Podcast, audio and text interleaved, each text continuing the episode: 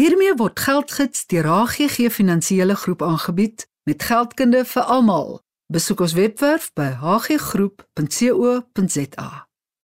In ons program Geldgids is ons besig met geldalfabet. Buiten HGG Finansiële Groep wat die aanbieder is van ons reeks, is daar finansiële begrippe wat met die letter H begin. Finansiële woorde wat met die letter H begin. Eduan Basson is 'n gesertifiseerde finansiële raadgewer. Hy is verbonde aan HGG se welvaartsake eenheid. Die eenheid is 'n onafhanklike finansiële diensverskaffer met die FDV nommer 44905. En professor JP Smit is verbonde aan die departement filosofie van Stellenbosch Universiteit.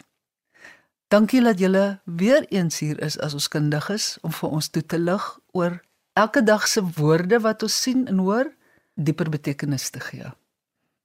Hoë risiko belegging. Edouan, jy het in 'n vorige program het jy oor geografiese risiko gepraat as 'n bedreiging vir jou beleggings. Wat is 'n hoë risiko belegging? Goeiemôre Mariet en goeiemôre aan die luisteraars. Mariet, 'n hoë risiko belegging is nie so gevaarlik soos dit 'n mens dink of soos wat die naam wil voorgee dit is nie. 'n Hoë risiko belegging verwys bloot na die bateallokasie binne in daardie belegging. Soos wat Rian in 'n vorige episode verduidelik het dat 'n mens vier verskillende bateklasse kan hê binne in 'n belegging, ehm um, aandele of equities, kontant of cash as ons nou die Engelse term, mm -hmm. effekte wat nou uh, bonds sal wees en dan ook eiendom. Afhangend van jou blootstelling aan hierdie bateklasse, bepaal dit die risikoprofiel van daardie belegging. Hoe groter jou blootstelling is aan aandele, hoe hoër is die risiko van die belegging. Ja. Dit beteken nie noodwendig dat jy 'n hoë kans het of 'n hoë risiko het om jou geld te verloor nie. Dit beteken bloot net dat die belegging oor 'n baie kort termyn, as jy kyk na die grafiek van die prestasie van daardie belegging, dat dit baie wankelrig of baie wisselvallig sal wees. Mm, baie rig is. Oor die lang termyn is 'n hoë risiko belegging wel die beste belegging om vir jou opbrengste bo inflasie te gee.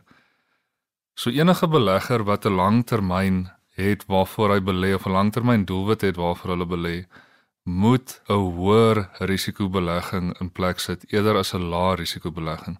'n Laer risikobelegging sal 'n belegging wees wat meer blootstelling het aan kontant en aan effekte, so staatseffekte, eerder as aandele. Ons vind wel bitter gereeld weens die onsekere ekonomiese omstandighede in ons land en in die wêreld dat beleggers en veral ook langtermynbeleggers hmm. geneig is om 'n baie meer konservatiewe of 'n lae risiko posisie in te neem met hulle beleggings waar hulle juis eintlik veronderstel is om 'n hoër risiko posisie ja. in te neem. As 'n mens dan nou Warren Buffett se raad volg van belê geduldig, dan gaan dit gepaard met 'n hoë risiko belegging. Dis presies dit. En uh, Warren Buffett het ook gesê en ek moet nou ongelukkig die Engelse terme gebruik, hmm. maar hy het gesê Be greedy when others are fearful and be fearful when others are greedy. So as ander mense vir jou begin vertel oor skemas soos Kibus en allerlei ander planne waar hulle baie geld kan maak, baie opgewonde is. Skroom weg van dit af, maar waar mense begin versigtig raak om risiko te neem, dit is waar daar juis geleenthede is om goeie geld te maak. Maar moet geduld as voorwaarde. Dit is en met goeie advies ook. ja. Ek is nou skieurig JP oor here regte. Middag Mariet, uh, middag aan al die luisteraars. So here regte soos meeste van die luisteraars nou sal weet, as jy 'n uh, huis koop, is ongelukkig daai bedragie wat die staat bysit wat jy betaal aan die staat uh, wanneer jy 'n huis koop. Dit is 'n belasting wat gehef word op vaste bates. En is nogals baie. Daar's 'n uitsluitingsklausule vir 'n huis onder 1 miljoen rand betaal jy niks nie. Mm -hmm. Daarna ek dink is iets soos 3% vir die eerste klein bietjie oor 'n miljoen. En dan gaan dit op op op op op as dit by die punt kom waar jy nou in 'n ongelooflike goeie posisie is waar jy huiskoop van iets van 10 miljoen, dan is jou totale belasting al nader hier aan 12% of so wat jy betaal. So dis 'n aansienlike bedrag. Wat reg uit na die staatskas toe gaan. Wat reg uit na die staatskas toe gaan. En dis 'n groot bedrag. Mense sien 'n huis, hulle probeer uitwerk hoeveel gaan ons nodig hê. Dan sien hulle ons kan net net net net net maak en dan besef hulle nie o, daar's nog gaai soos jy weet sê maar 6% of wat wat ons moet bysit nie. Plus dis erger want die bank gaan nie vir jou verband gee daarvoor nie want daar's geen sekuriteit teen O, dit nie. moet jy dit uit jou eie sak Jy moet dit op een of ander manier in die hande kry. Dikwels die bank van ma en pa of vriende of so wat daar ter sprake is. So here regte, niemand is gelukkig daaroor nie want niemand is vreeslik gelukkig oor belasting nie. Daar's wel iets daarvoor te sê. Mm -hmm. En dit stuit my ietwat teen die bors want Ja. ek onthou diep sielsongelukkig ek was toe ek laas 'n uh, here regte moet betaal.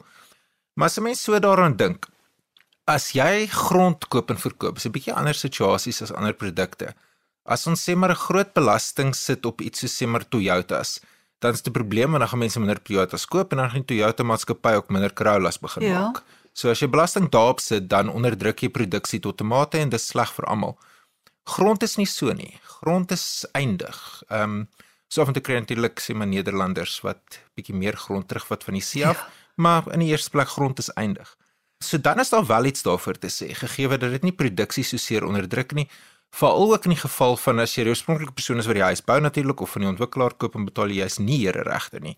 Ek val jou nou in die rede met ander woorde as jy vir die eerste keer dit oprig, dan is daar nie here regte ter sprake. Wanneer jy oorspronklik die grond koop, betaal jy regte daarop, maar die grond se waarde relatief tot die huiswaarde is gelukkig gewoonlik min genoeg dat jy of onder die 1 miljoen kerf val of jy is nie so ver oor die 1 miljoen kerf nie. So is nie 'n lewenskrisis nie. Dis eers wanneer jy begin, jy weet, daarop bou en wanneer dit 'n goeie buurt raak en die buurt se pryse opgaan, dan gaan dit van 'n probleem na 'n krisis uiteindelik. Maar die interessante ding daarvan is om jy so daaraan dink, sê maar ons vat 'n bietjie van die eenvoudige voorbeeld. Sê maar ons het 'n eiland met 'n sekere beperkte hoeveelheid huise. Nou mense werk met huise is hulle sit basies so hoog in as wat hulle kan. Dis ook die raad wat jy kry gewoonlik. Haal elke sent uit wat jy kan. Op die ou end sal die stygings in die eiendomsmark dit goed maak. Maak nie saak jy 'n bietjie bankrot is vir die eerste 2 jaar nie, maak maar die gordyne toe as jy nog nie meubels kan bekostig nie. Dis algemene raad wat ek ook al gekry het by eiendomsagente. As ons almal net een of ander manier vir onsself kon sê hoor hier, ons maak 'n ooreenkoms, ons bid 20% minder as wat ons kan, so almal nog in dieselfde huise eindig. Want as dieselfde persoon sal nog die meeste hê, dan tweede meeste, derde ja. meeste en so aan. Bietjie afhanklik van of mense bereid is om tog te verkoop, maar as ons lank genoeg aanhou, hulle sal op die eind verkoop. So land is 'n bietjie anders. Jy kan nie hierdie tipe ding doen met Toyotas nie. So as iets te sê vir die ding wel as ons nie here regte betaal het nie, ja. wat sou gebeur? Wel almal sou net meer aanbied vir die huis. So dan gaan hy geld na die verkoper in steede daarvan gaan dit nou vir die samelewing. Probleem natuurlik is gaan na die staat en state spandeer dikwels geld nie baie goed nie. Ons staat is berig daarvoor dat dit veral nie geld goed bestee nie, maar dit is 'n ander Ja, ek probleem. dink ons styer almal nog na daardie skok. Presies. As dit kom by grond, is daar meer te sê vir daai forme van belasting as ander forme van belasting. Baie baie kortliks, hier is die grondidee van die 19de eeu se ekonom Henry George wat gedog het ons kan hierdie beginsel so ver vat, ons kan die hele staat befonds net uit uh belastings op grond en dan kan ons natuurlik inkomstebelasting en al daardie tipe dinge ongelooflik sny in sekere projekterings tot by nul en eenvoudig die land en 'n tipe welvaartstaat bekostig juis presies net uit grondbelasting uit. Wat 'n baie interessante idee is, Winston Churchill byvoorbeeld was 'n voorstander wat sou half uit die politieke debat verdwyn het. Net om uh, gou in te skakel daarby um, wat JP gesê het is alhoewel meeste huislenings nie here regte sal Insluit betaal nie of insluit nie. Daar is van die finansiële of die finansieringsinstansies wat bereid is om vir jou 105% huislening te gee mits die eiendom se waarde wat jy aanskaf 1.8 1.9 miljoen rand of minder is. So dit help eerste keer huiskopers om ook die mark te betree sonder om te gaan bakkan staan by hulle ouers of vriende wat sin. moontlik nie die kapitaal het om te help met die koop nie. Maar dis beperk tot betreklik goedkoper plekke dan. Dit is bloot om nuwe huiseienaars 'n geleentheid te gee om die mark te betree. Terwyl jy nou aan die woord is, Edouan, ek wil weet huurkoopfinansiering. Maar dit ja, huurkoopfinansiering uh, is 'n term wat meer bekend is uh, by die koop van voertuie. En wat dit nou maar basies is, is wanneer jy nie die geld het om jou nuwe voertuig wat jy graag wil aanskaf uh, kontant te koop nie, gaan jy in 'n huurkoop ooreenkoms in en dit is basies eners aan die afbetaal van 'n eiendom ook. Daar's 'n oorspronklike bedrag kapitaal wat aan jou gegee word, daar's 'n vaste termyn waarop jy ooreenkom met die finansieringsmaatskappy. Dit kan so hoog gaan so 6 jaar of so ver gaan so 6 jaar. En die rentekoers word dan nou ook uh, ooreengekom in die begin van hierdie huurkoopooreenkoms en dan daarvolgens word die maandelikse paemente ook bereken. Is dit beperk tot motorfinansiering? Nee in beginsel nie maar tipies. Ons het onder die letter B het ons oor ballonbetaling gepraat. 'n Huurkoopooreenkoms sluit dit dan outomaties 'n ballonbetaling aan die einde van die Nee, dit doen nie. Dit is 'n opsie wat jy byvoeg om jou huurkooppaemente meer bekostigbaar te maak. So wanneer jy 'n bietjie kapitaal het, kan jy 'n deposito neersit op die koop van 'n voertuig en sodoende jou maandelikse paemente afdryf. Wanneer jy nie die kapitaal het nie, maar ook nie die vermoë het om die volle maandelikse bydrae by te bring nie, dan sit jy 'n ballonpaement by. Dit word amper gesien as 'n deposito maar net aan die einde van die finansieringstermyn. Ek is glad nie ten gunste van ballonpaemente of ballonfinansieringsooreenkomste nie. Dit beteken dat jy die rente op daai ballonbedrag of daai deposito aan die einde van die kontrak moet uh, betaal deur die loop van die kontrak en omdat jy gewoonlik nie die kapitaal het of die geld het om die maandelikse paemente by te bring nie, het jy ook nie aan die einde van daai termyn die kapitaal om jou ballonpaement eenmalig af te los nie. So dan moet jy weer daardie uitstaande bedrag kapitaal finansier en weer paemente betaal. Met huurkoopfinansiering is daar slaggate buite dan nou die werklikheid van 'n ballonbetaling aan die einde. Is daar ander slaggate waarop jy ons kan wys? Huurkoopfinansiering word ook maar gekoppel aan die verhuuringskoers of die repokoers, so moet nie 'n voertuig gaan koop waar jy net net net die paemente kan bybring nie, want as die rentekoerse aangepas word, kan jy uiteraard nie meer die voertuig bekostig nie. En net so ook wanneer jy in 'n ooreenkoms ingaan met 'n finansieringsmaatskappy, probeer vasstel of daai finansieringsmaatskappy bereid sal wees om die rentekoerse te heronderhandel in die toekoms. Want sodoende kan jy moontlik na 'n jaar jou rentekoerse heronderhandel en Ja. ja. afbring en jou maandelikse paemente ook verminder. Selfs al sou die rentekoers styg. Hoewel ons dit nou tydens Covid het ons gesien dat baie van die finansiële instansies bereid was om vir jou 'n betalingsvakansie uh, te gee en baie van hulle was ook bereid om die rentekoerse op hulle finansiering te sny bloot net om seker te maak dat hulle steeds maandeliks getrou die paemente ontvang eerder as dat hulle glad hierdie paemente ontvang nie. Wel wat motorkoop betref, 'n JP filosofie, moenie 'n nuwe motor koop nie.